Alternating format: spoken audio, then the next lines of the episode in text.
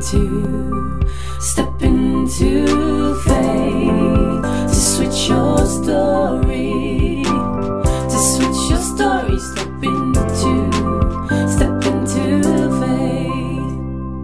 Welkom bij een nieuwe aflevering van de Switch Stories podcast. Superleuk dat je weer luistert.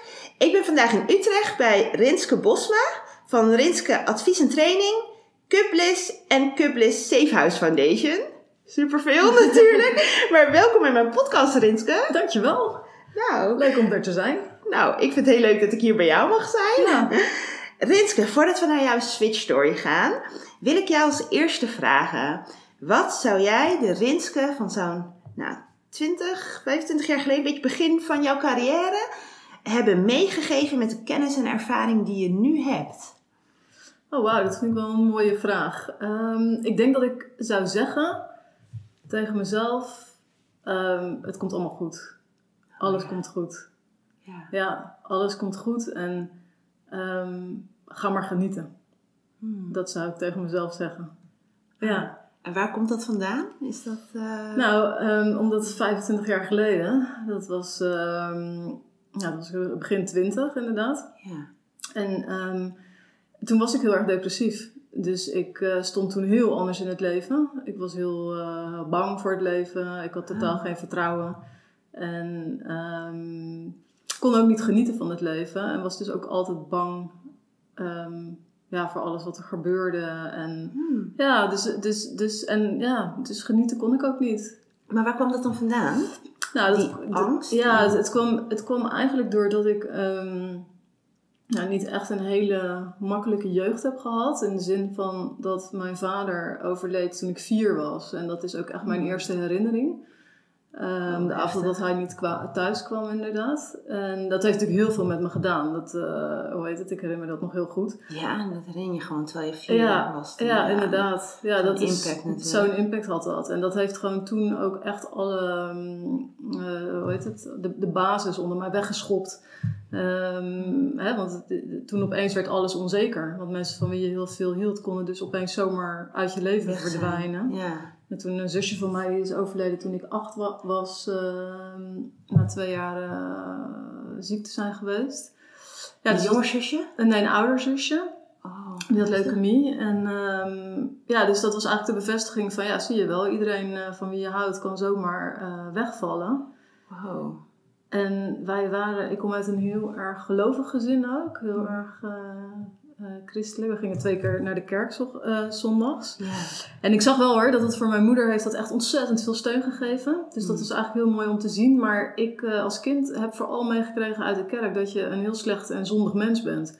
Dus dat heeft ook heel veel gedaan met mijn eigen zelfbeeld. Dus ik vond mezelf heel eh, stom en heel slecht en Heel negatief heel juist? negatief. Oh. Dus ehm, dat heeft eigenlijk ook gemaakt dat, dat daardoor mijn depressies begonnen. Zo rond mijn twaalfde jaar. eh, In puberteit. in de puberteit inderdaad. En dat, en dat, ja, dat heeft heel lang geduurd, die, eh, die periode. Wow. Ja. Vertel eens wat meer over, over hoe dat dan toen verder is gegaan. Jouw, jouw Ja. tienertijd bijvoorbeeld en door. Ja, nou ja, hoe heet het? Als je mijn wil, tiener- hoor. Ja, nee, zeker. Ja, het is... ehm, ik was gewoon altijd somber. Ik was altijd somber, was altijd bang voor eh, wat er in de toekomst eh, zou kunnen gebeuren. Ehm, heel weinig zelfvertrouwen, of niet. En ehm, op school ging het op zich wel goed. Kijk, in de puberteit zijn heel veel eh, kinderen hebben wat, weet je wel. Of die zijn raar, ja. of Ja. ja, dus, dat- dus dat valt helemaal niet zo heel erg op. Dat, dat is helemaal niet zo erg. En ik had altijd wel één of twee vriendinnetjes dan waar ik veel mee optrok. Dus ik was niet helemaal alleen of zo. Nee. Maar dat gevoel van, eh, ja, van somberheid, dat had ik altijd bij me. En ik had dus ook echt wel het idee van ja, dat geluk niet echt voor mij was weggelegd. Hmm. Dus ehm, ja, als je dat gelooft, dan, Ja, dan ja, kan je je voorstellen dat je daar niet heel blij van wordt. nee. Maar was het ook vanuit je moeder of de rest van je gezin? Had je nog andere broers? Ja, ik, had, ik kom uit een gezin van zeven kinderen en ik Oh, was de jongste. gezin, ja, ja. het is een heel groot gezin. En ehm, ja, iedereen heeft dat op zijn eigen manier destijds allemaal beleefd. Ja. En ja, ik misschien wat zwaarder, omdat ik natuurlijk heel erg eh, klein was. Ja. Dus dat heeft dan natuurlijk al heel erg in het begin van je leven zo'n enorme impact. En er was natuurlijk toen ook helemaal geen begeleiding. Ik bedoel, dat soort dingen gebeurden. Er was helemaal geen psycholoog eh, voor een kind. Nee, of eh, dat, dat bestond helemaal niet. Eh, Of Nee. daar was niemand uh, dacht daaraan. Dus, dus ja, je moest het wel echt allemaal zelf doen. Ja. Wow. daar ben ik wel heel goed in geworden. Ja. om, Ja, alles, want- eh, om alles zelf goed te doen, zeg maar. Nou, ja, want als ik jou nu zie, dan zie ik gewoon echt een mooie stralende vrouw tegenover me zitten. Ja, dus Ja. als ik jou, ik bedoel, wij hebben elkaar natuurlijk tot vandaag nooit eerder Nee, ontmoet. Dus als ik jou nu gewoon eh, voor het eerst ontmoet, zou ik niet denken dat is een vrouw die heeft eh, depressies doorstaan. Zeg Nee. maar. Kun je wat meer vertellen over hoe jouw proces dan eh, daarin is geweest? Ja, De loop der jaren. Ja, wat het grappige is, ik kan het me ook niet meer voorstellen. Het is echt, ik sta daar nu zo ver van af dat het. Oh. ehm, ja, dat ik me ook niet meer goed kan voorstellen hoe ik me dan toen voelde. Nou ja, wel een beetje natuurlijk. Maar hoe lang Ehm, heeft dat dan geduurd? Nou ja, het heeft 25 jaar geduurd. Eh, 25 jaar? Ja, van mijn 12e tot mijn 37e. Ja, dus dat is Wow. echt wel een hele lange tijd. eh Gewoon meer dan de helft van je leven. Ja, Ben je depressief geweest? Ja, met, met, met hoogtes en dieptes natuurlijk. Want Ja. er zat meestal een soort van golfbeweging in. Er Ja. zijn ook wel periodes dat ging het goed. En dan ging het Mhm. heel goed. En periodes dat ging het heel erg slecht. En kreeg je dan ook hulp? Of zocht je ook hulp? Nou, ik ben wel bij psychologen geweest. ehm, maar dat bracht mij nooit heel veel, heel eerlijk Mhm. gezegd. Dat eh, wil niet zeggen dat dat voor iedereen geldt. Eh, psychologen kunnen heel erg goed werk doen. Maar bij mij heeft het nooit iets echt veranderd. Je weet ook Ik niet, moest, weet je ook eh, waardoor? Ja, ik moest gewoon altijd mijn verhaal dan nog een keer vertellen. Hmm. En hoe vaker ik dat vertelde, hoe, ja, ik werd daar gewoon niet vrolijk van. Nee. dus het was ook niet zo dat je op een gegeven moment zoiets had van, oké, nu is het klaar. Het was gewoon, eh, ja, altijd naar.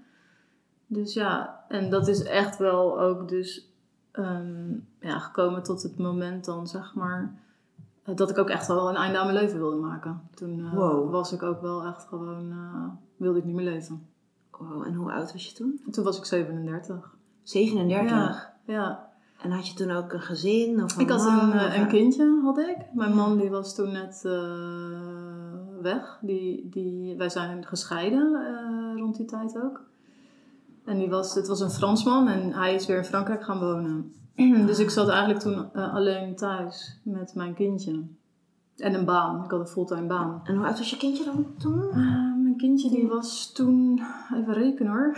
Ja. Want ik ben... Want hoe oud, Kijk, hoe oud ben je? acht, acht jaar geleden was ongeveer vier. Oh ja. Ja, Oh, vier. Oh, nog ja, klein. nog ja. een klein jongetje. Ja. En toen was het zo erg dat jij eigenlijk gewoon een einde aan je leven wilde maken. Ja, ja, toen was op een gegeven moment... eh, was het moment daar, zeg maar, dat ik dacht van eh, nu eh, wil ik niet meer. Wow, Ja. ik eh, kreeg Ja. echt een beetje kippenvel, zeg maar, van. Ja, dat was ook wel echt een heel heftig moment. En, eh, Ja. Maar goed, dat, dat- het mooie van dat moment was dus dat ik in dat moment heb ik dus een ervaring gehad die mijn leven compleet heeft veranderd. Oké. Want ik word er ook een beetje emotioneel van. Ja. Ehm, ja, want toen heb ik een stem gehoord. En die stem die zei, Rinske, je hebt het recht om gelukkig te zijn. En ehm, nou, dat is wel een hele mooie boodschap als je op het punt staat om je leven te beëindigen. Wow. En eh, toen... Dat kwam gewoon tot je. ja, dat kwam tot me. En ik kan ook niet zo goed uitleggen van hoe dat, eh, want, van hoe dat dan precies was. Maar het was gewoon heel helder. eh, had ik gewoon, kreeg ik gewoon door van Rinske. Met echt mijn voornaam ook. Het was niet voor iemand anders bedoeld, zeg maar. Nee, inderdaad. Van je hebt het recht om gelukkig te zijn. En ik dacht dus altijd dat het Je hebt het recht om eh, gelukkig Ik heb het recht zijn. om gelukkig te zijn, ja. Dat werd gewoon te- Dat tegen werd- jou gezegd, Ja, dat werd- eigenlijk, ja. in jouw hoofd. Ja, of ja. Ja, zeg maar. Ja, en, en, en ehm, ja, iedereen kan natuurlijk een eigen invulling aan geven van wat het dan geweest moet zijn. Maar eh, op mij was dat zo'n grote impact. Dat ik ook echt gewoon in dat moment heb besloten... Oké, dan blijf ik leven. Maar dan moet alles anders. Ja. En, eh, en toen ben ik zelf zeg maar op zoek gegaan naar de sleutels van geluk. Dat, Ja. dat klinkt lekker zweverig. Maar, Ja. maar dat is eigenlijk wel wat er gebeurd is. En toen, eh, Wow. ja, en toen kwamen er eigenlijk allemaal dingen op mijn pad.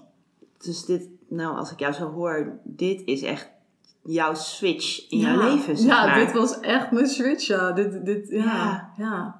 Ja, want ik maak hier natuurlijk een podcast waar ik heel veel, zeg maar, Ja. praat over de switch. Ja. Van loondienst naar het ondernemerschap. Maar dat is bij jou, is, dit, is, dit is jouw switch geweest. Ja, dit is echt wel mijn switch geweest, ja. Dat heeft En mijn leven dus echt nog 180 graden gedraaid. Nog eh. maar acht jaar geleden. Ja, ja, ja, inderdaad. Oké. En kan je nog vertellen, wat, wat heb je toen gedaan? Ja, nou, dat is echt... eh, er, er kwamen gewoon dingen op mijn pad. Dus ik zat op dat moment zat ik thuis. Was ik omgevallen op mijn werk. Oh. En, Had je een eh, baan? toen? Ja, ik had een fulltime eh, baan. Heb Ja. ik altijd gehad. Ook. Ja, dus in loondienst, Ook maar. in loondienst. En het, Ja. het was ook niet zo dat ik met mijn depressie niet kon functioneren. Want het was echt zo van als ik mij naar mijn werk ging, dan trok ik mijn kostuum aan. Hmm. En dan was ik iemand anders. Dus het was Ja. echt een soort van alter ego. Op mijn werk was ik gewoon ehm, ja, heel erg eh, goed eigenlijk ook Ja. wel. Ja. En, en daar had ik gewoon een, een heel andere persoon was ik daar. ja. En ehm, ik kon bijvoorbeeld heel makkelijk voor, voor 500 man kon ik een, een, een lezing houden over dingen van mijn werk. In het Frans, want ik, in die tijd woonde ik ook Oh. nog in Frankrijk. En, oh, ja. eh, oh, je hebt ook nog in Frankrijk ja. En dat heeft dan te maken met jouw met mijn. Franse man, ja. Ja, inderdaad. Ja, En, en als ik naar een verjaardagsfeestje moest, dan eh, vond ik dat vreselijk. Want dan opeens gaat het over jou, weet je. Dan kan je niet meer verschuilen achter je werk. Dus ook als je depressief bent, kan je redelijk goed functioneren. Totdat je natuurlijk steeds omvalt, want je bent natuurlijk steeds ziek. Omdat je dat niet steeds omhoog kan houden, dat Nee, alter je- ego. Hè? Dat kost zoveel tijd. energie. Ja, inderdaad. Ja, Oh. dus... ehm, ja, wat... Ja, je was Ja, wat was de vertellen. vraag Ja, ja, je was ook aan het vertellen Ja. over hoe dat proces dan zeg maar Oh, is gegaan. Ja, Van dat je eigenlijk, je, je had een baan in loondienst, maar daar viel je dus op een gegeven precies. moment, Uit. kon je daar niet meer fu- functioneren. Nee, dus. En dat had dus te maken met die depressies. Ja, toen viel ik echt om. Ja, en, ja. ehm, Dan kwam je toen dus eigenlijk een soort van in de ziektewet dan? Ja, ik zat gewoon in de ziektewet. Of tenminste, ja, niet, Ja. ik- het heeft niet eens zo heel lang geduurd uiteindelijk Mm. hoor. Maar wel, ik zat gewoon dus, eh, dus thuis, wel maanden. En ehm, nou, en wat ik deed was, ehm, ik ging dus op zoek naar geluk. Hè? Dus dat, dat ging ik dan doen eh, door middel van allerlei boeken te kopen. Eh, over eh, positieve psychologie en over hoe je brein werkt. En Ja. over allemaal boeken van waarvan ik dacht, nou misschien eh, staat het daarin. Ja. En ik ging heel veel eh, YouTube-filmpjes luisteren van thought leaders op het gebied van geluk, happiness. Zoals? Nou, zoals, ja, nou, de- heel veel verschillende dingen. Mhm. Ehm, maar ehm, bijvoorbeeld eh, de grootste, eh, dat was Bob Proctor. Die Mhm. heeft mij echt dingen geleerd, waardoor ik natuurlijk ook echt uit mijn depressie ben gekomen. Ja. Ja, en ja, voor de rest luister ik bijvoorbeeld naar Abraham Hicks en eh, hoe heet het, naar Tony Robbins en ehm, Louise Hay en nou, noem maar op van alles. tot heel wetenschappelijk, tot, tot heel spiritueel. En Mm. ehm, probeerde ik een beetje mijn weg daarin te vinden.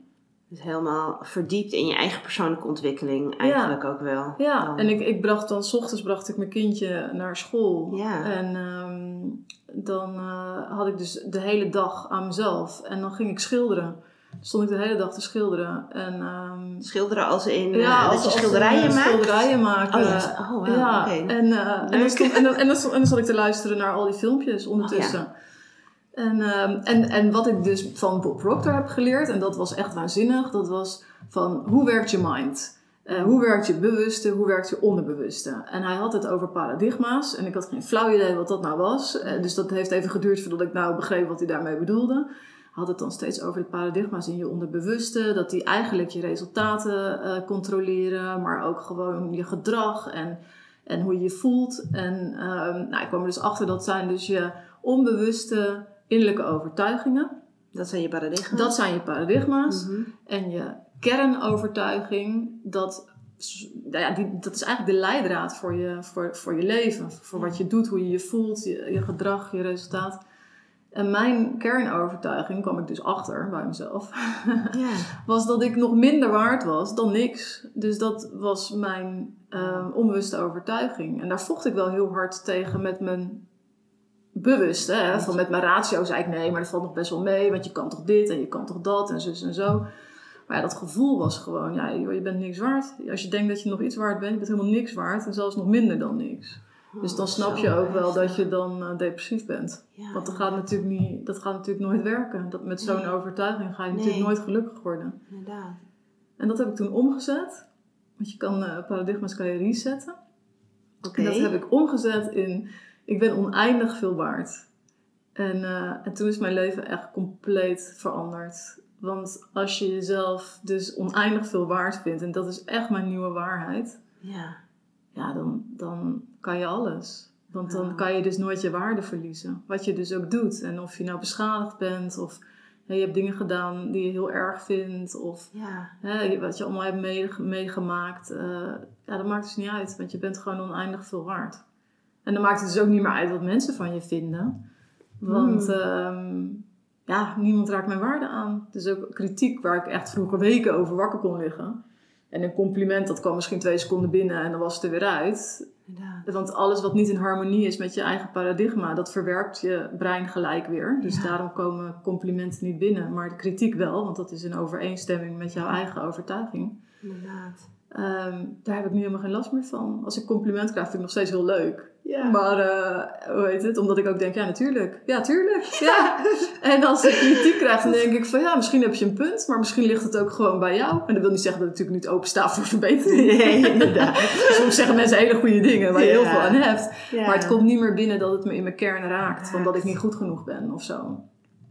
En dat, eh, en dat, heeft, ja, dat heeft eigenlijk gemaakt dat ik dus ook mijn leven gewoon ook op professioneel gebied compleet heb omgegooid. Ja. Ja, Want hoe heb je dat dan precies gedaan? Want het klinkt nu een beetje, ja, ik, ik, heb, ik, ik probeer me dat echt een beetje in te beelden, Ja. maar ik, ik weet niet hoe het is om te leven met, met depressies, maar wellicht dat er wel luisteraars zijn die het wel heel erg herkennen, hè? ja, Maar jij hebt nu een soort van echt een soort van echt een switch in je mind gemaakt met ik ga nu volledig naar een hele andere overtuiging. ja. Maar hoe doe je zoiets? Want dat, dat Ja. is toch niet iets wat je zo, zomaar even van de een op het andere Nee, moment kan niet. zeggen van Nee, nu als- is dit mijn waarheid. Want je bent al 25 jaar Precies. lang heb je de overtuiging dat jij nog zelfs Ja. minder dan iets waard bent. Zelfs wel- terwijl je ook nog voor een kindje aan het zorgen was. Ja, inderdaad. Ja. Ook dat nog. Ja, dat klopt. Ja, en dat vond ik ook heel lastig. Want eh, ik had ook niet zo... In die tijd had ik ook totaal geen band met mijn kind. Nee. Ja, tenminste, ik zorgde wel voor hem en ik hield heel veel van hem. Maar het was zo eng voor mij om van hem te houden. Omdat als hij... Ik was altijd bang dat hij doodging. Oh. Want ik was altijd bang om mensen te verliezen die, waarvan, ik, waarvan ik heel veel hield. Dus Omdat mijn je ook wel je zus en je vader had verloren. Ja. En dus toen mijn kindje geboren werd ook, ik had echt elke dag had ik echt angstvisioenen van hoe, op, op welke manieren die allemaal dood kon gaan. Oh, Dus, oh, dus daardoor Oh. was het ook heel moeilijk voor mij om echt te hechten aan mijn kind. Omdat ik zoiets had van ja, straks gebeurt wat en dat kan ik niet aan. Als ik één ding wist, was dat het, als er iets met mijn kind gebeurt, dat kan ik niet aan. Nee. Dus, en ook dat is echt helemaal veranderd toen ik uit mijn depressie kwam. Want we hebben nu echt de beste band ever. We hebben echt zo'n goede band. Ook omdat de vader uit beeld is natuurlijk, dan ben je ook heel erg op elkaar aangewezen. Maar ja. Ja, en ook stel dat er nu wat met hem zou gebeuren, dan weet ik ook dat ik dat ook aan kan. En eh, dat de basis is gewoon heel anders. ja. Ja, ja. Hoe heb je dat dan aangepakt? Nou, het, is, het heeft twee jaar gekost om dat te doen. Ja. En het is heel lastig om jou in een paar zinnen te vertellen van nou, zo moet je dat doen. Want ik, ik geef daar dus trainingen in. Ja. Ik help daar mensen bij. Ik, ik, ik, ik heb ook heel veel mensen al geholpen om hun kernovertuiging te resetten. Sommige mensen kunnen dat in 90 dagen, want dat is de tijd die je brein nodig heeft om een nieuwe verbindingen te maken in je hersenen. Ja. Ehm, maar ja, als iets heel diep geworteld zit, dan heb je meestal wel wat langer nodig. Ja. Dus ik leg altijd aan mensen heel erg goed je brein uit, zodat je echt snapt, nou, hoe werkt het bewust, hoe werkt het onderbewuste. Heel veel voorbeelden geef ik, zodat mensen heel veel herkenning hebben van, oh ja, zit het zo? Ja. En dan ga ik zeggen van, het, het belangrijkste is natuurlijk, stap 1 is natuurlijk om jouw kernparadigma te achterhalen. Van Ja. wat zit er nou bij jou als diepste overtuiging? Want Inderdaad. het is een soort van piramide. Dus je hebt je kernovertuiging, maar daar zijn al die andere overtuigingen ook op gebouwd, zeg Ja. maar. Dus als je bijvoorbeeld mijn overtuiging had, daar had ik ook de overtuiging op gebouwd van ik ben een slechte moeder, ik ben een slechte partner, ik ben een slecht mens, weet je wel. Dus Mm. alles. Maar doordat ik dat kernparadigma reset, valt ook een heleboel om. Ja. Dus dat is heel mooi. En eh, als je dus weet wat je kernovertuiging is, dan moet je dus ehm, nou ja, die nieuwe verbindingen aanmaken. En dat doe je op een manier die het onderbewuste begrijpt. En de taal van het onderbewuste, dat is eh, visualisatie, hè, beelden Hmm. en emotie. Dus je moet, ja, het is een heel proces. Ja. En, ehm, maar je gaat dus door de taal te spreken van je onderbewuste, kan je dus in je onderbewuste overtuigingen resetten. Wow. Ja. En heb jij dan, jij hebt het natuurlijk ervaren, Mhm. Eh, ben jij ook echt opleidingen of zo gaan volgen om dit, want nu ben je andere mensen aan het trainen en aan het helpen Klopt. met onder andere dit. Volgens mij doe je nog wel meer. Ja, Dus ja, nee, klopt. meer ja. Nee, dat klopt. Nee, ik heb ehm, niet een specifieke ehm, opleiding gevolgd eh, hiervoor, want ik heb dat ook niet gevonden. Ik heb dat niet gevonden van hoe eh, werkt het nou? Ik heb nooit een stappenplan gevonden op, Nee. op, op internet of wat Nee. dan ook, of in boeken. Dus ik heb zeg maar mijn elementen die voor mij hebben geholpen, heb ik bij elkaar gezet in een eigen training. Ja. Eh, heel oorspronkelijk kom ik ook uit het onderwijs, dus ik weet wel een beetje hoe je een training zeg maar, moet neerzetten. Het grappige is, ik heb hem ook vijf jaar geleden heb ik hem gemaakt. En tot op de dag van vandaag is hij niet anders, want hij werkt gewoon. ja. En toen heb ik eigenlijk gewoon het idee gehad van ja, maar als dit bij mij werkt. En ik, ik was zo verbaasd hoe dit, hoe, wat het impact was op mijn leven. Ik denk ja, maar als dit bij mij werkt, ik heb zo diep gezeten. Ja. Wat zou het dan bij andere mensen doen? Inderdaad, ja. En toen ben ik echt gewoon mensen uit de buurt. Ik heb briefjes opgehangen bij de Albert Heijn van workshop. Ik denk, ik moet gewoon weten hoe, hoe dat werkt bij anderen. Of die daar ook baat bij kunnen hebben. En Ja. eh, nou, dat heb ik dus gedaan. En toen merkte ik dus dat het heel veel effect had. Ook voor andere mensen. En toen dacht ik, ja, maar dit moet iedereen weten. En toen ben ik eigenlijk ook gewoon voor bedrijven dit gaan doen.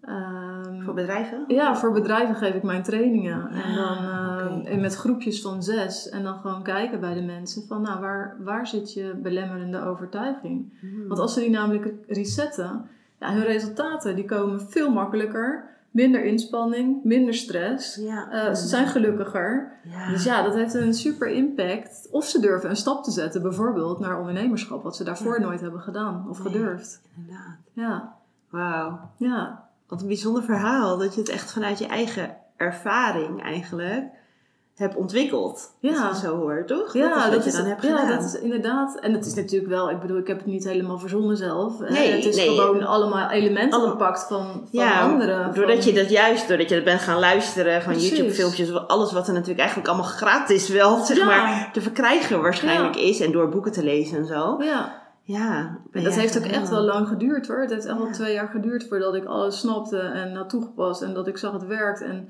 dus daar heeft wel, is wel een tijd overheen gegaan om dat zeg maar bij elkaar eh, te verzamelen. Ja. Ehm, maar ja, het is inderdaad echt uit eigen ervaring. En ik moet ook eerlijk zeggen dat ik bij alle trainingen die ik daarna zelf heb gevolgd in mijn leven, dat doe ik alleen maar bij mensen eh, die een verhaal hebben, die een eigen ervaring hebben, waardoor ze eh, anders in het leven staan. Of, Mm. Want ik heb zoiets van, ja, mensen die die ervaring zelf niet hebben, wat gaan mij, zij mij vertellen dan? Ja. Waar- en hoezo zou ik dat moeten geloven? Dus ik Ja. vind het zelf ook altijd heel fijn als trainers, zeg maar, zelf De ervaringsdeskundigen zijn, Precies, zeg ja, precies. Ja, Ja. dus zo, op die manier, ja, dat maakt het natuurlijk ook authentiek. Ja, Het Precies. verhaal van de trainer, dat maakt natuurlijk jou ook authentiek. ja. Want vertel eens, hoe is dat dan ontstaan? Als we nu dan wel even een Ja. beetje meer naar het zakelijke kant. Ja, we precies. hebben het heel erg over jouw persoonlijke vlak, zeg maar, ook wel gehad. Ehm, als we naar de zakelijke kant gaan, want jij werkte, als ik heb begrepen, jarenlang heb jij in loondienst gewerkt. ja klopt. Nou, eh, toen heb jij op een gegeven moment dus die, die switch gemaakt in je hoofd. Ja. Dat je wel veel meer waard bent. Ja. Dat je eigenlijk alles waard Ja. bent. Ja, En ook alles waard bent om voor te leven. En op die manier je hele leven om te gooien. Wat maakte dus dat jij toen had besloten... ik ga niet weer terug naar mijn werkgever of een Ja. andere baan zoeken. Ja. Wat maakte dat jij naar het ondernemerschap bent gestapt eigenlijk... en die switch, die switch ook hebt gemaakt? ja precies. Ja, nou, het, het was altijd al wel een gedachte van me waar ik mee speelde. Dus ik wilde altijd wel heel graag iets voor mezelf hebben. Omdat ik ook gewoon heel erg hou van vrijheid. En zelf kunnen bedenken wat je gaat doen. En eh, bij je eigen regels, zeg maar, eh, kan leven. Ja. Ehm, maar ja, ik durfde dat natuurlijk nooit. Ik had natuurlijk de zorg van een kind eh, op me. Ik had ook een hypotheek. En Ja. ja. ja, dus ga dat maar eens doen. ja. Maar ja, toen ik gewoon het idee had van ja, ik ben oneindig veel waard. Toen dacht ik van, eh, er is eigenlijk geen reden om het niet te doen. Want ehm, je kan het gewoon proberen. En in het ergste geval lukt het niet. Nou, dan ga je weer terug in loondienst. Dus ja, wat, wat heb je te verliezen? ja. En toen ben ik echt heel erg gaan nadenken over... Ja, wat wil ik nou echt? Wat, wat wil ik dan voor business? En wat wil ik nou gaan doen? Ja. En ik had natuurlijk heel lang heb ik in de sales gewerkt bij IT-bedrijven, als business development manager ook, Mm. markten opgezet.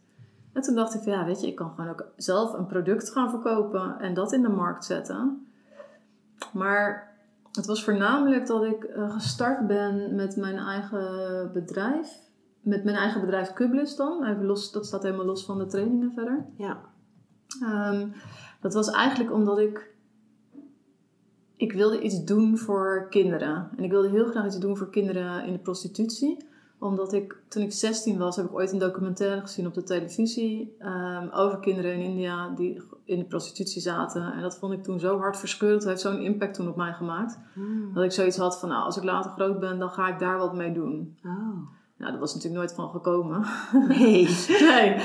En toen ik dus echt ging nadenken over, ja, maar wat wil ik nou? Hè? Wat, wat wil ik dan voor bedrijf? Toen dacht ik, oh, ik wil iets voor die kinderen doen. En Hmm. ehm, toen dacht ik van, weet je, ik kan wel een stichting oprichten. Maar ja, dan moet je altijd om geld leuren. En dat, zo voelt dat voor mij. En daar heb ik helemaal geen zin in. Dat, Nee. dat is niks voor mij. Ik dacht, maar als ik nou iets ga verkopen en ik ga daar winst op maken, dan kan ik misschien mijn winst weggeven.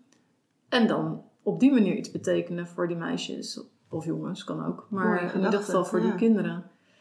En vanuit daaruit is het ontstaan. Dus het is echt vanuit een ideaal ontstaan om kinderen te helpen. En het middel wat ik daar dus voor gevonden zijn, dat zijn koffiebekertjes. Ja, Ja. Hoe, waar, hoe ben je op koffiebekers inderdaad. gekomen Ja, dat, dat was ook Ja, echt zo'n beetje zo'n ingeving was dat op een gegeven moment. Want ik dacht ja, wat, wat moet ik nou gaan verkopen, weet je wel? En ik weet Ja. altijd dat twee dingen werken. Of hele dure artikelen die heel exclusief zijn. Of massa, dus gewoon volumes. En alles Hmm. wat er tussenin zit, dat zijn altijd moeilijke, eh, dat is altijd moeilijk op de markt. Oké. Dus ik dacht van ja, iets heel exclusief. Ja, wat dan? Ik kon me er niks bij voorstellen. En dan ja, moet je ook maar net iets weten en dan de klanten erbij zoeken. Dus ik dacht, nee, ik wil iets wat iedereen nodig heeft. En toen dacht ik van, eh, wat? En ik wil bij bedrijven iets doen. Dus ik dacht, nou, wat heeft ieder bedrijf nodig? Nou, koffiebekers.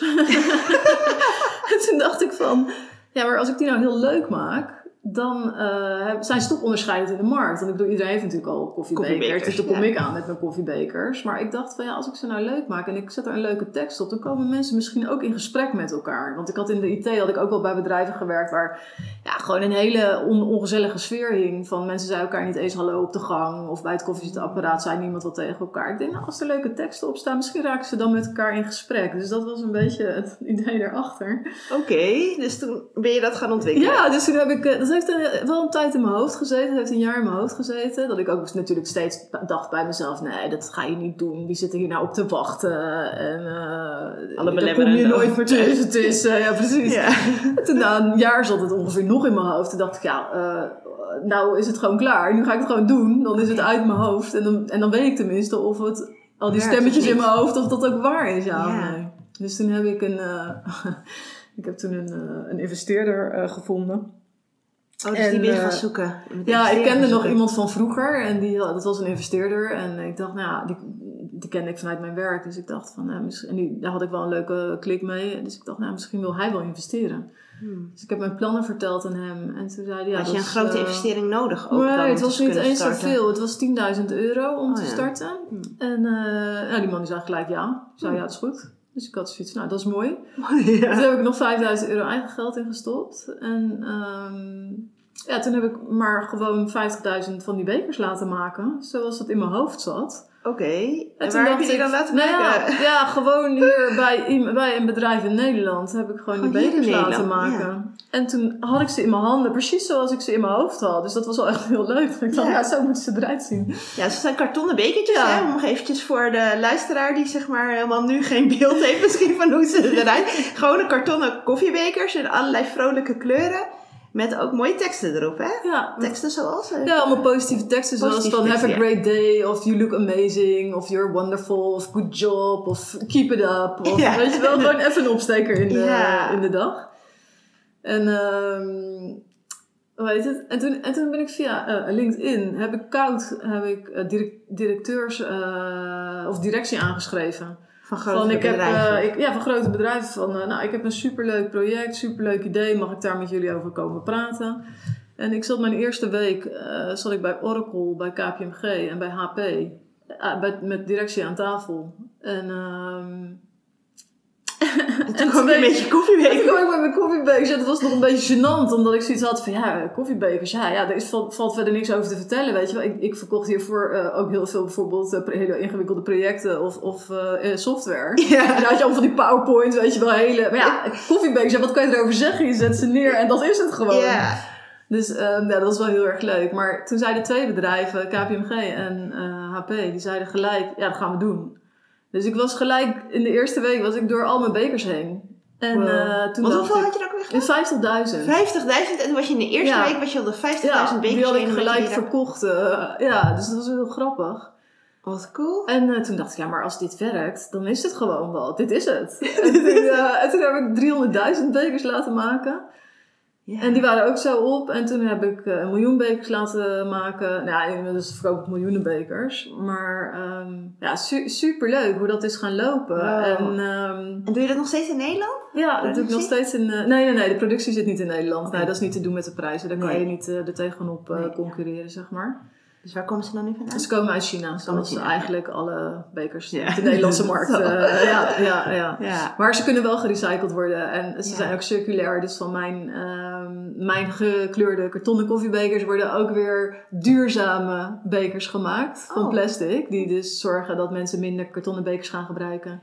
En, En- is het dan zo dat de bedrijven dan dus wel ze soort van weer inzamelen of zo apart? Ja, ze, de, de bekers worden in- kunnen ingezameld worden bij de klant. Dat is Ja. verder aan de klant of die dat wil, ja of Ja. nee. En dan ehm, zit een plastic laagje op de bekertjes. En daar wordt dus de duurzame beker van gemaakt. Hmm. En eh, van het karton wordt toiletpapier gemaakt. Dus Oh. het is, en dat kunnen de klanten eventueel ook weer afnemen als ze dat willen. Maar Ja. dat hoeft niet. En dan wordt het natuurlijk... Maar goed, het is dus wel eh, ook gewoon voor het milieu zo goed mogelijk.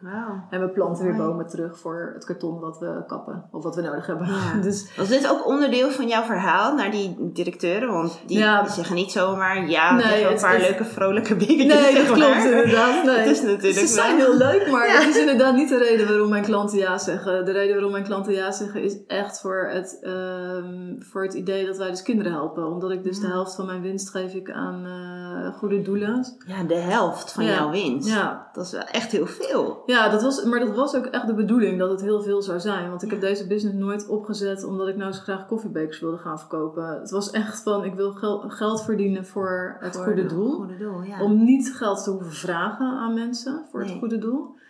En ehm, ja, ik heb in het begin gaf ik de helft van mijn marge zelfs weg. Dus toen verdiende ik er zelf helemaal eh, niks aan naast. En Nee. ik heb een keer in 2016 heb ik al mijn winst weggegeven. Een soort van per ongeluk. Maar ja, van ja, een soort van per ongeluk. Want ik bleef maar geven. En toen aan het einde van het jaar maakten we de balans op. En toen had ik al mijn winst weggegeven. En dat was dan weer niet handig. Omdat het jaar erop had ik wat tegenslagen. En dan heb je geen buffer. Dus het, Nee, het is echt de helft van de winst. Want die andere helft heb ik gewoon echt nodig om te groeien. Ja. En om problemen op te lossen. ja, heel goed. Ja, dus, eh, maar ik ben wel heel trots, want ik heb nu in de afgelopen vijf jaar ehm, heb ik dus al meer dan 50.000 euro kunnen doneren. Wauw. En dat is natuurlijk echt heel veel geld voor een start-up. Ja, echt heel veel. En Ja. hoeveel miljoenen bekers zijn er dan inmiddels doorheen? Ach, nou. Ongeveer? pff, hoeveel miljoenen bekers zouden er doorheen zijn? Ik denk toch zeker wel 50 miljoen of zo. Ja. Oh, hoeveel Ja. bedrijven heb je Misschien nog wel meer, klanten eh, nu inmiddels? Eh, ik, ik heb nu ongeveer 120 klanten. Wauw. Ja. Allemaal in Nederland? Eh, de meeste zitten in Nederland, zitten een paar Belgische klanten bij. Ja. Eh, soms hele grote klanten en soms eh, ook gewoon de fysiotherapeut om de Oh, ja. Dus het is Oh, echt heel tof. verschillend. eh. ja, is er een minimum aantal wat je bij jou Ja, het is afnemen? één doos is dan de minimum afname, één doos. En daar zitten, ehm, in de ene doos zitten 2500 bekers. Oké. En in een andere doos zitten 1000 bekers. Oh ja, Ja. oké. Dus het is, is altijd leuk. Als je een doos wil, dan kan je de hele, alle buurtbarbecues, alle kinderfeestjes. Ja, inderdaad. ben je klaar voor de komende 10 jaar.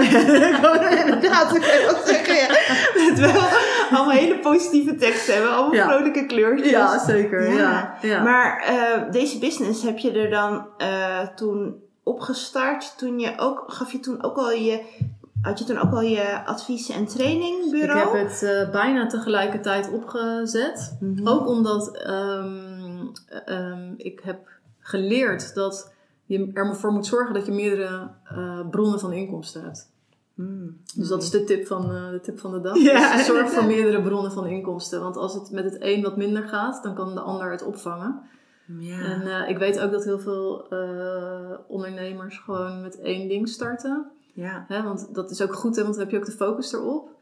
Ehm, maar het is helemaal niet zo'n gek idee als je sta- start als ondernemer dat je bijvoorbeeld nog even parttime erbij blijft werken. ja. Hè, om het gewoon rustig op te bouwen.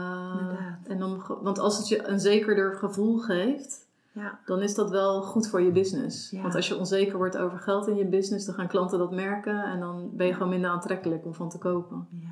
Ja. Ja. Mooi dat je dat zo zegt. Ja, Ja.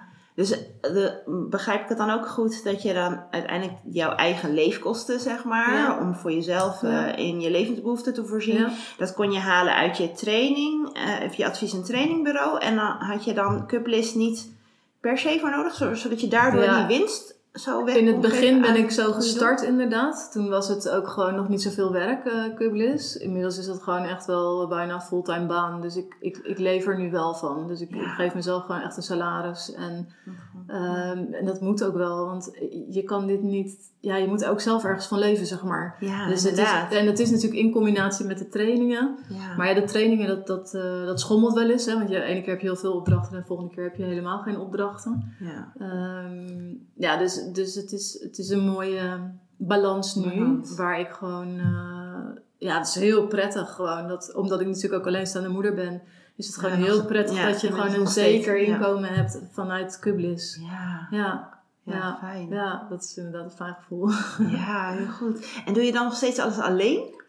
Of heb Nou, je inmiddels ook... eh, want ik kan me Ja. voorstellen dat je misschien ook wel hulp nodig hebt. Ja, dat klopt. Nee, het is ook niet meer te doen alleen. En het is nu, ik heb daar partners voor die eh, mij helpen.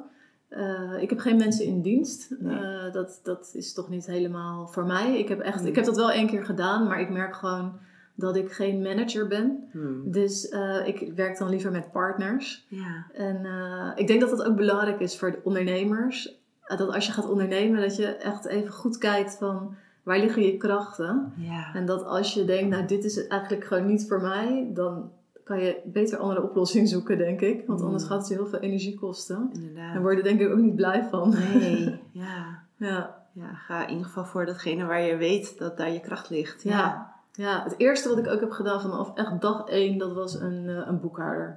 Mm. Eh, ik, ik heb altijd gewerkt met een boekhouder. Omdat ik gewoon zelf daar echt, daar word ik echt helemaal niet blij van. Ik kan, ik kan het ook niet, weet je. Dus ik denk van, nou dat is echt het eerste wat ik heb uitbesteed Ja, ook. eh. goed. Ja. ja. ja, en in, binnen Cuplis, qua distributie en dat soort dingen, dan, dan heb je daar heb je dan partners Ja, voor. daar die heb ik allemaal partners voor. Ah. Ja, ja, ja. Want het is inmiddels het is zo groot. Ik heb het ook Ja, nooit gedaan eh, vanuit mijn garage of zo hoor. Het is Nee. gewoon altijd via een partner gegaan. eh. Oh ja, inderdaad. Ja. Ja. dus het is niet zo dat er hier ergens dozen vol op zolder liggen. Nee, nee, nee, gelukkig nee, niet. Nee. Dat zijn natuurlijk wel heel veel bekers. Ja dan, eh, ja, dan moet je nog een groter huis. ja. ja. Nee, dat wordt dan gelukkig allemaal gedaan. Ja. En inmiddels heb je ook een foundation dus. Ja, dat klopt. Ja, dat klopt inderdaad. Want ik had in het begin zoiets van, ik ga niet gelijk dus een stichting starten. Want ik denk van ja, als ik bij klanten kom en ik zeg, ik verkoop koffiebekers, ik geef de helft van de winst aan mijn eigen goede doel. Ik denk, nou, dat gaan mensen niet eh, accepteren. Die hebben dan echt zoiets, ja, wat is dat dan voor goed doel? En Ja. eh, ik denk, nee, ik moet eerst het vertrouwen winnen van mijn klanten. Dus ik heb het in het begin gewoon weggegeven aan eh Wordchild, Ter de Zom, ook tegen kinderuitbuiting. En Oh, die Free a. Girl en eh, ja, tegen kinderprostitutie ook. En. Ehm, ja, UNICEF heb ik nog aan gedone- gedoneerd in het begin. Gewoon hele herkenbare, bekende, eh, goede doelen. Ja. En dat doe ik nog steeds. Ik heb nog steeds als vaste doelen heb ik nog steeds eh Wordchild en Ter de Zon. Maar nu dus ook in combinatie met mijn eigen stichting. ja. De Safe House Foundation. Die dus ook alles eraan wil doen om zoveel mogelijk kinderen uit de prostitutie te helpen. Hmm. In, in, ook in specifieke landen? Ja, het liefst in India. Ik heb ehm, in het begin gaf ik gewoon al het geld uit mijn stichting aan Free a Girl, die ook ehm, datzelfde doel nastreeft. Ja. Ehm, dat heb ik inmiddels sinds twee jaar niet meer gedaan. Want ik heb gedaan, want ik wil heel graag mijn eigen project ook kunnen doen. En eh, dat het ook voor mijzelf heel concreet wordt. ja. Dus ik heb het geld zeg maar opgespaard. En ehm, ik heb nu echt een waanzinnig project eh, zit er aan te komen. Ik heb daar volgende, eh, over twee weken heb ik daar bespreking over. Ja, ik kan er nog niet heel, heel veel over zeggen, nee. maar ik word er zo gelukkig van als, want het is nog niet rond. Dus, eh, maar ik wil heel graag aan dat project meedoen. En dat zou ook betekenen dat ik daar zelf ook naartoe kan, om echt gewoon het met eigen ogen te zien. In dat- India. In India. En dat gaat dus inderdaad over ehm, jonge meisjes die eh, nou ja, door hun ouders ook verkocht worden aan prostitutie. Wow, heel eh, voor een tempel, heel heftig.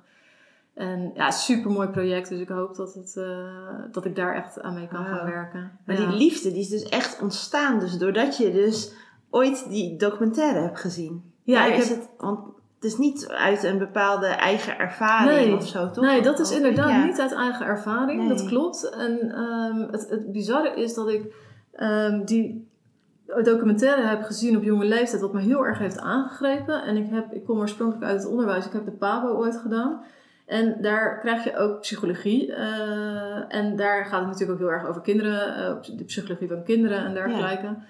En eh, toen hebben we het natuurlijk ook gehad over eh, eh, kinderen, kinderen die verkracht worden of die misbruikt worden. En dat, he- dat is zo'n enorm impact heeft dat op een kind. Omdat je bestaan wordt ontkend door de dader. De dader die, die, die, die misbruikt je als, als dat je een voorwerp bent. En Ja. niet een mens. Dus je wordt compleet ehm, niet gezien in je, in je eigen zijn. Ja. En ik, ik- dat heeft mij toen echt gewoon zo.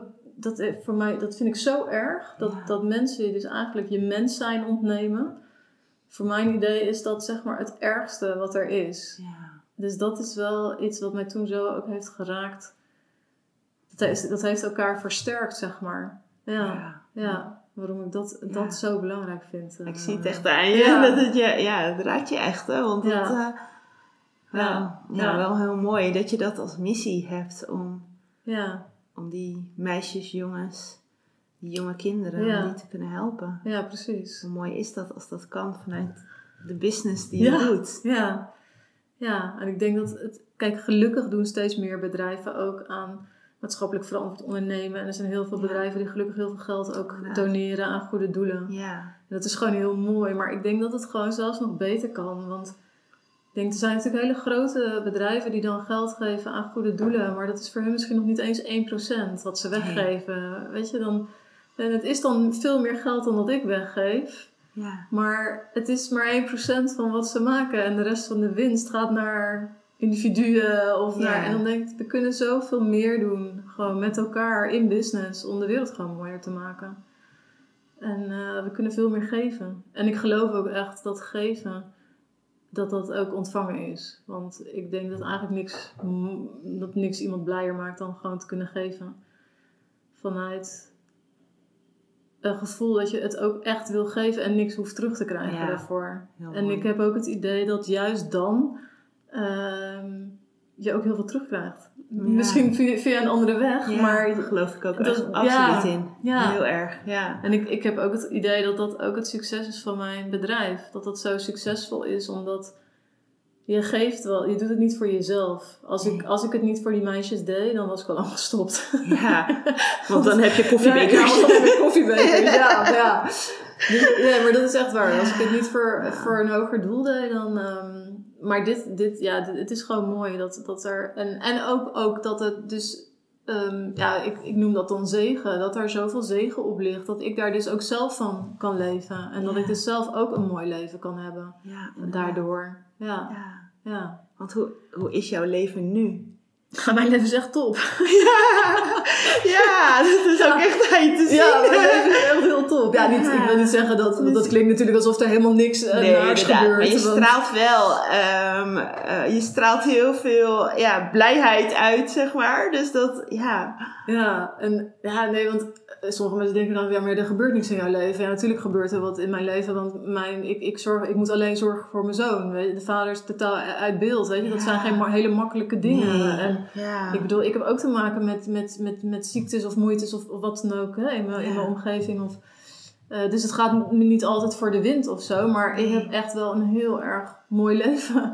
In de zin dat ik het... Het mooiste wat ik heb is vrijheid. Door mijn eh, bedrijven heb ik vrijheid. Ik kan mijn tijd indelen zoals ik wil. Ik kan er zijn voor mijn zoontje als ik er eh, moet zijn voor hem. ja. Ik kan ehm, elke vakantie, schoolvakantie, kan ik vrij nemen. Ja. Ik kan met hem reizen, Ja. eh, de wereld zien. En dat zijn Mooi. allemaal doelen die ik heb opgeschreven een aantal jaren geleden. Ja. Ik woon in een heel mooi huis. Een huis waarvan ik gedacht dat ik er nooit in zou kunnen wonen. Daar woon ik nu in. En Ja, is prachtig. Ja. ja, en ik denk van, eh, hoe heet het, dat, ja, het, dat is zo bijzonder. Eh, vooral ook inderdaad, eh, omdat, ja, vijf jaar geleden had ik nog niks. En ehm, Ja. had ik zelfs geen huis meer. En dat het gewoon in zo'n korte tijd Ongelooflijk. is dat heel snel gegaan. En ja, ik, ik ben daar ook heel erg dankbaar voor. En ik denk ook dat juist die dankbaarheid die ik elke dag voel, voor dat ik nu eindelijk mag leven. hè. Ik, ik, ik, ik heb het recht om gelukkig te zijn. Dat, dat recht heb, ik, heb ik nu. Dus dat, dat, dat, ik zorg er ook voor dat ik dat echt zo ervaar. En dat ik elke dag, ook al gebeuren moeilijke dingen, dat ik gewoon wel elke dag iets blijf zien waar ik echt heel dankbaar voor ben. En dat is dan niet zo heel moeilijk als ik om me heen kijk. Nee. En, eh, en ik heb ook het idee, dan komt er gewoon steeds meer Ja. om dankbaar voor te zijn. Ja. Omdat het een soort wisselwerking is en je gaat ervoor openstaan. eh. ja, dat is het denk ik. Ja. Als je ervoor open staat. Je ziet nu waarschijnlijk ook veel meer Ja. waar je dankbaar voor kan zijn. Dan, Zeker. dan dat je dat langer dan vijf jaar geleden, zeg maar, daarvoor in die tijd dat je depressief was, Ja. toen helemaal niet kon zien. Nee, ik was echt nergens dankbaar voor eh, toen. Terwijl er waarschijnlijk heel veel was om dankbaar voor te zijn. Tuurlijk, ja. Alleen ik zag het niet. Je zag het gewoon niet. Nee. Nee.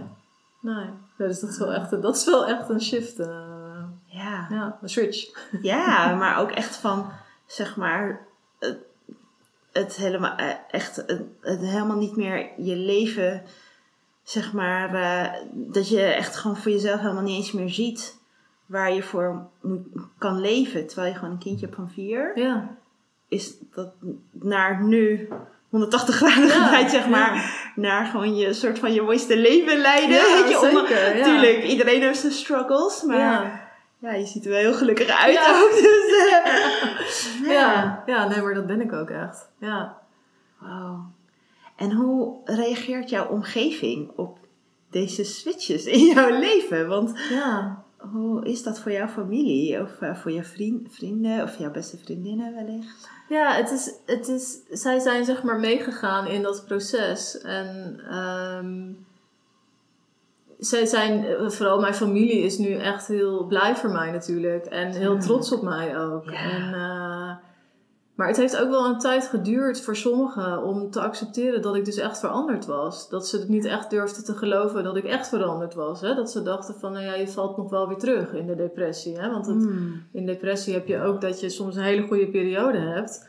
En dan zie je het weer helemaal zitten. Maar dan val je op een gegeven moment wel weer terug. En, ehm, en ik wist dat ik niet meer terug ging vallen. Omdat ik nu snap hoe het allemaal werkt in mijn brein. Ja. Maar dat kan je niet aan iemand duidelijk maken. Dus die moeten Nee. dat echt gaan zien. Dat je dus in al die jaren, die zeven jaar, eh, niet meer teruggevallen bent. Ja. Eh, en die beginnen Dat dan is- nu pas een beetje Ja. te geloven. Weet je wel? Van, oh, Het gaat echt goed met haar. het gaat precies. En, ehm, ja, en het is ook wel zo, heb ik gemerkt, dat is iets van de laatste tijd. Eh dat is ook heel bizar, maar door mijn succes raak ik dus ook mensen kwijt. En ehm, zijn er ook mensen waarvan ik dacht dat dat goede vrienden waren, maar die mij proberen naar beneden te halen. En Oh dat ja? ik echt denk van, huh? Ho- ho- hoezo dan? En dat een er... voorbeeld van? Eh, Ja, natuurlijk niet in detail. Ja, nee, dat is maar- lastig om dat even als een Ja, voorbeeld te geven, want dan, Ja. te- dan treed ik ook gelijk in detail. Ja. Oké. Maar het is wel frappant inderdaad dat, dat, ja, dat, dat het dus ook blijkbaar een soort van jaloezie kan opwekken. Zo van, Mm. hé, hey, maar wacht eens even, jij gaat zo hard. Ehm, ja, dat, is, dat, dat, dat, ja, ook, ja, dat dat voor anderen gewoon ook oncomfortabel kan zijn. Van, van, ik, ik ben niet meer bij hun, weet je wel. Ik, ik, ik ben gegroeid en ik ben Ja. vooruit gegaan. En, dus ik snap ook wel dat dat soms dan ja, ook lastig kan zijn. Ja. Het is misschien toch wel erg een soort van altijd hebben gezien als jij bent altijd degene die het altijd lastiger hebt gehad. Of tenminste, jij, jouw leven was altijd wat minder leuk of wat minder succesvol dan dat van hun. En nu is dat andersom. Dat Ja, ik, ik, en ik weet niet even, want hiervoor was ik ook wel, ehm, ook in loondienst, weet je. Ik had gewoon echt, echt hele goede banen. eh, dus, Ja. dat, dat- dus, maar het is nu, ja weet je, je, je bent gewoon nu anders door het ondernemerschap ook hoor. Want Ja. eh, ik moet ook heel eerlijk erbij zeggen, het zijn meestal mensen in loondienst die eh, zo reageren. Ja. Dus ook, ook denk ik het hele idee van als ondernemer ben je gewoon toch anders dan de meeste mensen. En je neemt andere beslissingen, je ziet de wereld op een andere manier. Ja. Ehm, ik heb misschien minder angsten dan de meeste mensen. Hè, Terwijl je voorheen om- echt zoveel Ja, inderdaad. Ja, absoluut. Ja, dus ik weet het niet. Maar dat is, dat is Ja. inderdaad een bijkomstigheid die ik dan nog een beetje... Ja, dat is ook nieuw voor mij. Dat ik denk, huh, hoe werkt dit? Maar dat merk ik dus wel. Dat er... eh, ja, er, er veranderen dingen. En Ja. er zijn ook inderdaad mensen van wie ik afscheid heb genomen. Ja. Omdat ik ook geen negativiteit meer in mijn leven wil. Hm. Dus heb je Dus- daar zelf voor gekozen? Daar heb ik zelf voor gekozen. Ja, heb ik mensen die, eh, ja, die, die te negatief over mij uh, of tegen mij uh, praten. Of wat, die, nee, Ja. dat, dat, dat wil ik niet meer. Ik, Nee. dat, dat, uh, nee, die mensen, dat, Hoe dat, pak je dat zoiets- klikt niet meer. Nee, hoe pak je zoiets dan aan? Heb je dan gewoon op een gegeven moment gezegd met... ja. Sorry, dit werkt Ja, niet. soms dus dat... Ik wil gewoon even geen, ik wil geen contact. Ja, meer. ja, het- inderdaad. Ja, gewoon van dit, eh, Ja. dit is voor mij nu niet constructief en dit, eh, dit is niet goed voor mij. Nee. Want het is heel belangrijk voor mij dat het goed gaat met mij. Ook omdat ik natuurlijk voor mijn kind moet zorgen. En daar Ja. heb ik gewoon goede gezondheid voor nodig en, en Ja. alles. En ja, alles, alles wat daar niet aan meewerkt, dat, ja, daar, daar neem ik echt wel bewust afscheid van. eh. Ja. En soms, zijn- en soms is het ook, gaat het natuurlijk, weet je, wordt Ja. het constant, ja, weet je, dan, dan dooft het uit, zeg maar. Ja, inderdaad. Maar het zijn ook wel hele bewuste keuzes dan nu, Ja, toch? ja. Dan? Ja, ja, en dat was, ja, want dat is dan ook wel wat verder terug inderdaad, dat ik echt wel afscheid heb eh, genomen van mensen. Maar Ja. ja, en het is, het is ook niet zo dat ik daar dan nooit meer contact mee zou willen of zo, weet je. Nee. Maar ja, het is gewoon nu niet gezond. Inderdaad. Zeker die negatieve energie heb je gewoon niet nodig. zeg maar. ja, Nee. dat klopt. Ja, Ja. Ik denk dat het over het algemeen wel voor mensen misschien wel geldt. ja. Weet je, dat als er heel veel negatieve energie om je heen hangt, ja. als je de mogelijkheid hebt om dat zoveel mogelijk niet in je leven te hebben, dat je die keuzes misschien ook wel moet maken als dat daardoor jou helpt ja. om eh, je beter te voelen of ja. Ik- beter in het leven te staan, zeg maar, te genieten. Dan, Ik, ik denk het wel, ja. ja. Maar dat zijn geen moeilijk, makkelijke keuzes natuurlijk. Nee, soms niet inderdaad. Nee. Soms Als is dat, mensen eh, zijn die heel dichtbij Ik wil het zeggen, als het familie is, is dat altijd heel lastig. Ja. Maar eh, ja, ik denk altijd wel, het is de grootste verantwoordelijkheid in je leven, is dat, je, dat het goed gaat met jezelf.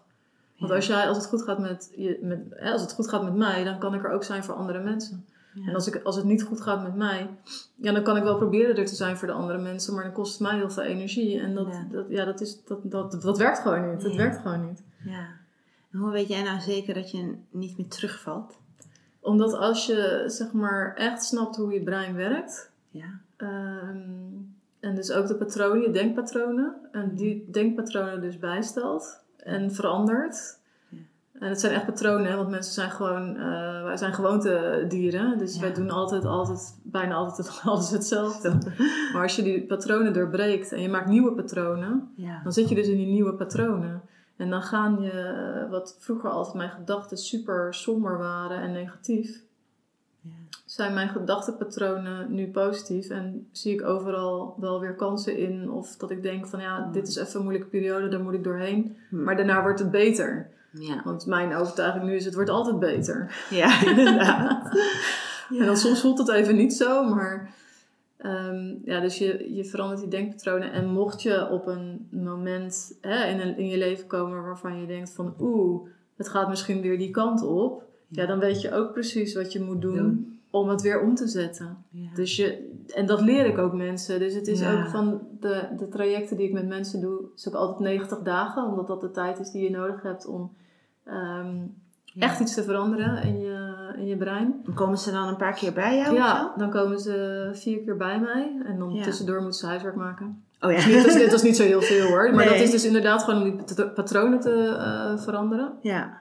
En je kan ook langere trajecten aangaan als dat nodig mocht zijn. Ja. Maar ja, wat je merkt is dat je heel snel effect al hebt. En eh, ja, en weet je, als je op die weg zit van het, het resetten van belemmerende overtuigingen, ja, waarom zou je terug willen? Serieus, Nee. want de wereld aan deze kant is echt veel leuker. Ja. Gelukkig weet, Ja. je, weet je dat nu ook echt uit ervaring. Ja, ik weet ja. het echt uit ervaring. Ja. En het is soms wel heel, heel spannend voor mensen om uit die, wat ze kennen, hè, om, om daaruit te gaan. Ook al is het, is het ook bijvoorbeeld somber of depressieve gevoelens, is het toch lastig om daaruit te stappen. Ja. Omdat het wel is, het is wel vertrouwd, het is wel wat je kent.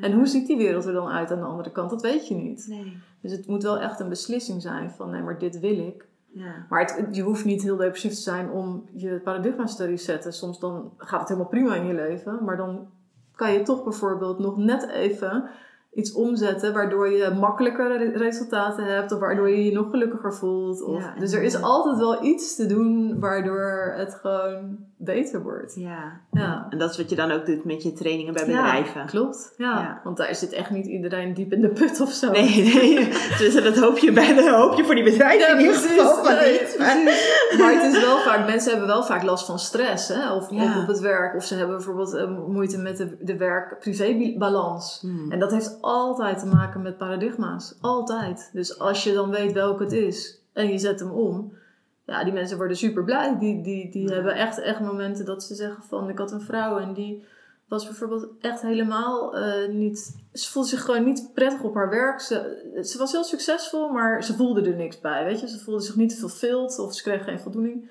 En na die 90 dagen, ze zegt van, ik ben nog succesvoller. Dingen gaan veel makkelijker. Ze zegt, maar ik heb nu vooral het gevoel van heel veel voldoening. Ik heb nu zoveel, ik haal zoveel voldoening uit mijn werk.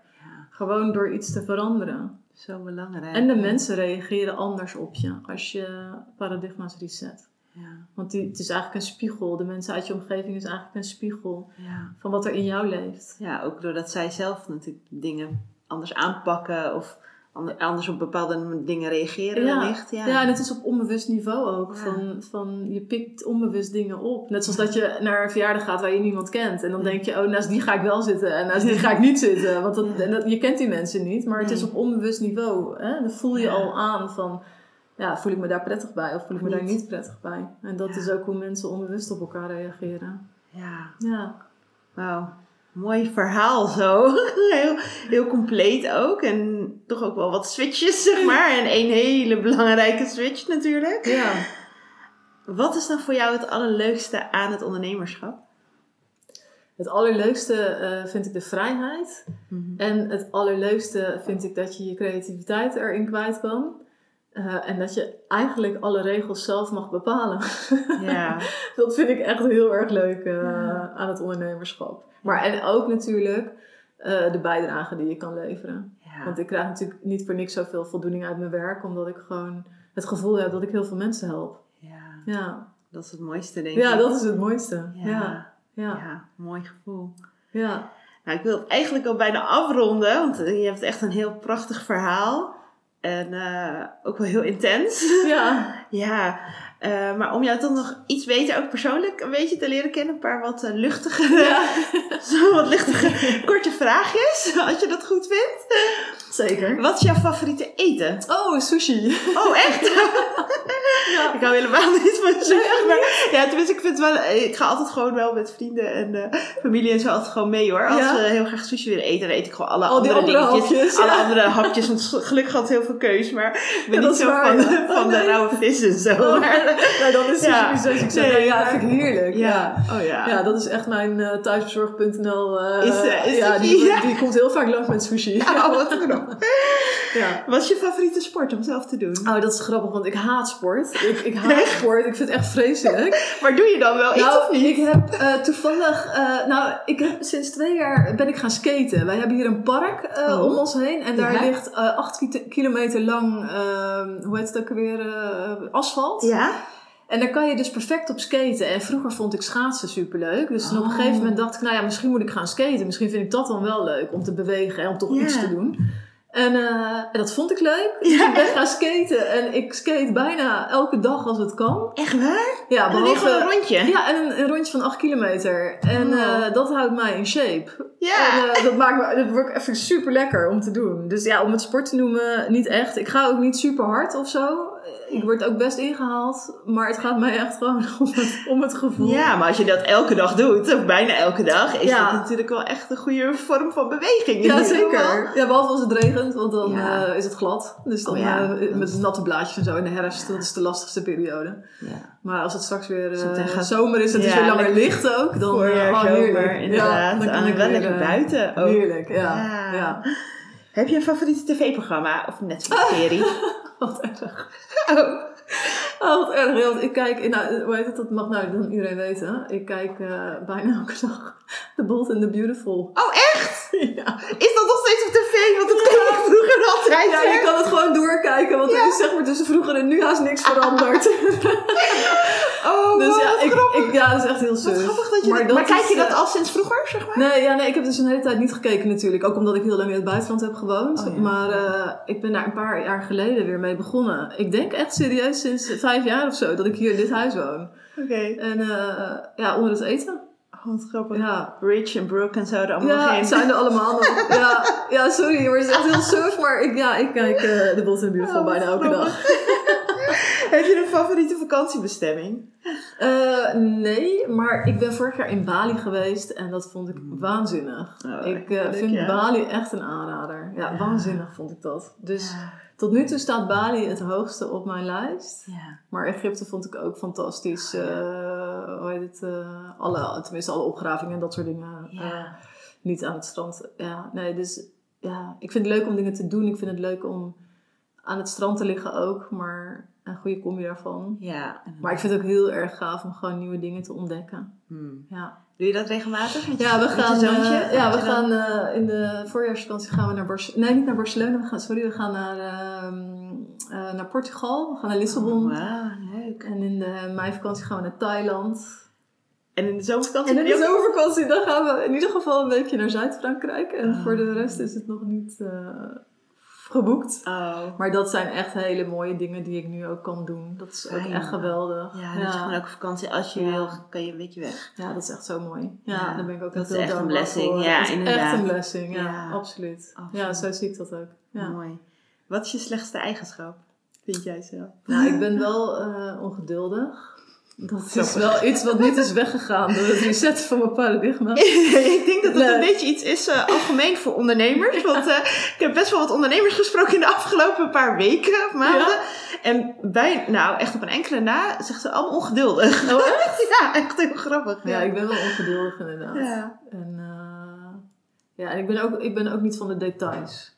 Oh ja. Dus dat is ook wel... dus ik ben altijd van globaal. Globaal, En als oh ja. iemand mij vraagt om details, dan eh, ja, vind ik heel, heel, heel vervelend Oh en lastig. dus dat is ook niet zo echt een goede eigenschap, zeg maar. Ja. Wat is dan je beste eigenschap? Ehm, ik denk dat mijn beste eigenschap empathie is. Oh ja. Ja. Ja. Ja. Dus dan kan ook wel, komt misschien ook wel gewoon uit je ervaring. Ja. ja, dat denk ik ook. En de mensen die je spreekt, dat je dat vanuit ervaringsdeskundige waarschijnlijk, eh, Ja, ik denk dat, Dat het, eh, ja. ja. dat ik inderdaad mensen heel erg goed eh, aan kan aanvoelen. ja, Ja. mooi. Ja. En wat is jouw allergrootste wens of droom? Ik zou echt, eh, in India zou ik echt gewoon nog een veel groter impact willen maken om ehm, ja, te strijden tegen prostitutie van kinderen. Hmm. En dat het, mijn, mijn grootste droom is om daar gewoon echt heel veel in te kunnen betekenen. En, eh, en om gewoon door te mogen gaan met het werk wat ik doe, ook gewoon om mensen te trainen. En Ja. ja, daarin mensen te helpen. Ja, dus dat zijn wel echt mijn, mijn grote doelen in het leven, Leven. en mijn missie. eh, ja, Mooi. ja, Echt heel mooi. ja, ja. Hey, waar kunnen mijn luisteraars jou en jouw bedrijven het beste volgen? Ehm, ik heb ehm, de, de Kublis, dat Ja. is, ehm, nou ja, ik heb een website en ik heb Ja, een Instagram account. Dan kan je de vrolijke bekertjes even zien. Ja, die ga ik inderdaad allemaal in de show notes zetten. Oh, ja. wat leuk. Ja, wat leuk. Nou ja, dus dat. En voor de rest kan je mij op Instagram volgen eh, op Rinske eh, Art of Bliss. Oh ja, inderdaad. En eh, dus dat is iets. En natuurlijk op LinkedIn kan je met me linken. Ja. En ja, google me op mijn voornaam. Rinske met een T Met in een het midden. Ja, en dan komt er echt wel heel veel denk ik naar voren. Nou, mooi. Ja. Nou, om nog helemaal Leuk. af te sluiten. Ten slotte, is er nog een vraag die jij wellicht aan mij zou willen stellen... nadat ik zoveel vragen aan jou heb Wat gesteld? leuk. Ja, vind ik heel leuk. Ik wil je in ieder geval heel erg bedanken voor dit eh, Oh. mooie gesprek. En dat Nou, je jij bedankt. Ja, juist. maar echt, ik vind het zo ontzettend leuk eh, dat je Oh. dit doet. En dat je zoveel belangstelling eh, hebt. En Ja. dit ook naar buiten wil brengen. Dus ja, en dat je helemaal hier naartoe bent gekomen. Ja, dus dank je nou, wel hoor. daarvoor. Heel erg leuk. ja. Ja, en wat ik dan als vraag aan jou heb, dat zou zijn van... eh, is er iets in dit gesprek wat jou heeft geïnspireerd? Waar jij iets mee kan? Ja, er is zoveel. Wauw, ja, nee, echt. ehm, ja, het heeft me echt geraakt ook wel, je gesprek, dit gesprek. Want ehm, ik eh, ehm, probeer me altijd wel een beetje voor te bereiden op de gesprekken, maar ik wil nooit te veel. Over mensen weten. Maar nu had ik natuurlijk al wel een beetje op jouw site over jou, eh, over jou gelezen. Maar eh, dat het zo heftig is dat, dat, je gewoon, dat je gewoon eigenlijk gewoon helemaal niet meer wil leven terwijl je een kind hebt. Dat is iets wat ik me gewoon eigenlijk. Ik heb zelf een zoontje van zes, maar Ja. kan je dat gewoon als moeder gewoon bijna niet voorstellen. En nu jij Nee. ook waarschijnlijk niet. Nee. En eh, ja, ik heb wel echt heel veel respect voor jou. Voor hoe je dat zo hebt om kunnen zetten. En dat je gewoon, ja, en zo fijn dat je dat stemmetje hebt gehoord. Ja, zeker. Want ehm, ja, ik weet niet, realiseer je er wel eens misschien dat je er anders misschien niet eens meer geweest kon Ja. zijn. Wow. Ja, ja bizar. Dat, ja, het gaf mij daardoor echt even echt wel kipvel. Nog steeds als we het erover hebben. Want ja, ehm, ik, ik ben zelf heel gelukkig in, in alles wat ik doe. Ja. Maar ik maak ook deze podcast juist omdat eh, ik ook wel geloof dat er ook heel veel mensen zijn die niet gelukkig zijn in wat Ja. ze doen. En dat ik hoop dat ze hier inspiratie uit halen. En ik hoop echt, nou, en ik kan eigenlijk niet anders voorstellen dat zo'n verhaal als dat van jou, dat dat heel veel inspiratie geeft. Want als je van zo'n dieptepunt komt en dat zo kan omturnen naar nu een soort van je mooiste leven leven in dit prachtige huis wonen en gelukkig zijn met je zoontje daarmee kunnen reizen.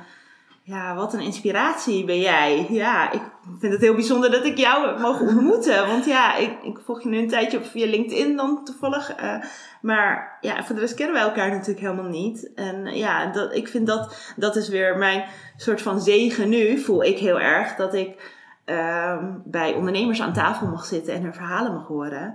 En dan komen dit soort verhalen, weet je, zoals nu Ja. dit van jou. Ja, dat is wel voor mij een zegen om weer een soort van nog extra stil te staan bij, ja, wat, wat ik allemaal heb, weet je. En ik ben daar altijd al best mooi. wel heel erg Ja. bewust mee bezig hoor. Ik ja, doe, bijvoorbeeld, ik ben best wel actief op Instagram. Ik doe Ja. elke week da- eh, Thankful Thursday. Oh, En cool. dan maak ik altijd een soort van drie puntjes waar ik dankbaar voor ben voor die week of voor die dag. Oh, mooi. En eh, het is voor mij altijd eh, een soort van reminder weer van dat er altijd kleine dingetjes zijn om dankbaar voor te zijn. En soms kleine dingen, soms hele grote dingen. Ja, ja. Maar ja, voor mij is in ieder geval eh, deze week ook dat jij in mijn leven Oh, bent mooi. gekomen. Want ja, dat, ja, dat, eh, dat, daar ben ik wel dankbaar voor. Dat mensen zoals jij nu in, weet je, in mijn leven komen en zo inspiratie zijn. En wat ik vooral ook heel tof vind. En dat is iets wat, wat sowieso ook bij mij wel ergens ook wel zit. En wat ik nog echt wel wat mee wil. Ja. En hoop ook dat ik daar in de toekomst ook wel wat mee kan. En wat ik heel inspirerend vind aan jou. Is dat jij, jij geeft 50% van jouw winst bij Couplist weg. Ja. Wauw, weet je Ja, dat je zo'n mooie missie hebt om daar volledig voor te gaan. Ja, dat, eh, ik heb eh, hiervoor heb ik een babywinkel gehad en wij geloofden ook altijd samen met mijn zus. En wij geloofden ook altijd dat ehm, geven, wij geloofden in geven. ja dus precies. wij ja. deden dan, eh, nou het was heel, heel klein, want ja, echt de babywinkel, nou daar, eh, ehm, we hadden daar uiteindelijk niet eens echt winst mee. Dus eh, wij deden dat, maar wij deden dat volledig op om, omzet Ja. deden wij dan eh, als startende ondernemer, nou wij deden dan 1%, dat was eh, Ja. natuurlijk heel weinig, maar hele kleine beetjes, Ja. deden wij 1% aan vijf goede doelen, waar mensen dan zelf uit konden kiezen in Oh, de winkel mooi. of in de webshop. En Oh, dan kon wauw. je dan echt kiezen. Dus ik geloof heel tof. erg wel Oh, al in dat geven. Ja, ik wil net zeggen. in goede doelen. Dus ehm, ja, dat, dus dat is inderdaad een beetje hetzelfde idee. Maar daardoor is, ben je zo'n mooie inspiratie. Oh, Dus- fijn. Ja. ja, dus ik hoop echt wel dat ik dat eh, ja, voor de toekomst ook wel eh, nog meer mag doen. Ja, ik denk dat het ook echt super mooi is dat je deze verhalen gewoon deelt in je podcast. Ik Ja. vind dat, ook echt, dat is ook echt wel heel eh, zo gaaf dat je dat doet. Ja, Ja. Nou, ik vind het dus ook heel Ja. gaaf. En het wordt steeds gaver. Ja, wat mooi. En dat had ik van tevoren helemaal niet bedacht. Ik had wel bedacht van, ik wil de verhalen van ondernemers vastleggen. Ja, Maar ehm, ik merk ook dat je daarmee, doordat je dan ook vraagt over het verleden of de achtergrond, dat er daardoor ook wel bijzondere verhalen naar boven komen. En, eh, en ik vind het ook heel bijzonder dat, dat de ondernemers ook zo open zijn, weet je. En Ja. open durven zijn, er open voor staan, maar ja. Eh, heel open hun verhaal delen. En dat, eh, ja, maar dat komt dat ook door jou. Dat, dat Nou, doe jij. Ja, ja. want dat, dat maakt... eh, Ja. ja. Nee, dat, dat krijg ik inderdaad ook wel terug. En dat is heel fijn voor mij natuurlijk zeker. om te horen. Dus eh,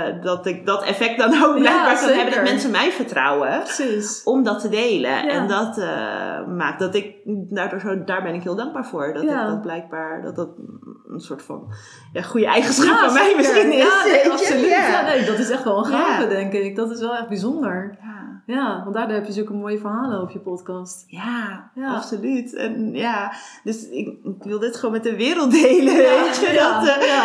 En dat, die wereld is nu nog niet zo groot, maar ik hoop wel dat die, doordat ik committed ben en nu elke week, weet je, eh, eh, een, een podcast live zet, dat ik ook wel hoop dat die wereld steeds groter wordt. En dat, ja, Ja, daar ben ik van overtuigd. ja, ja, daar ben ik gedeeld mogen worden. Ja, En, eh, en dat eh, verhalen van ondernemers, die zijn ook heel vaak niet alleen maar roze geuren, maar nee, nee, dat is, nee, dat is de absoluut mooie, waar. eh, Nee. weet je, de, vaak zie, zie je de mooie dingen op Instagram ja, bijvoorbeeld. precies. Ja. Maar er zit er natuurlijk ook heel vaak zit er een heel verhaal achter. Ja. En dat is zo mooi dat ik dat dan op deze manier kan delen. ja, precies.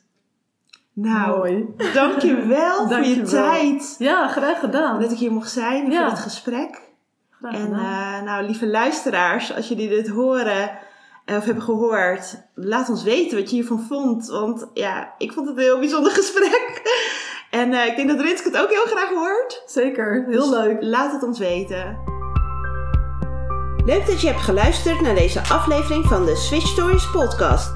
Wil je meer weten? Kijk op de switchstories.nl of volg mij op Instagram Amelia Stegwij. Vind je dit een leuke podcast? Dan zou je mij natuurlijk enorm helpen door een review achter te laten, zodat mijn podcast beter gevonden wordt en ik hopelijk meer mensen mag inspireren. Alvast heel erg bedankt en tot de volgende aflevering.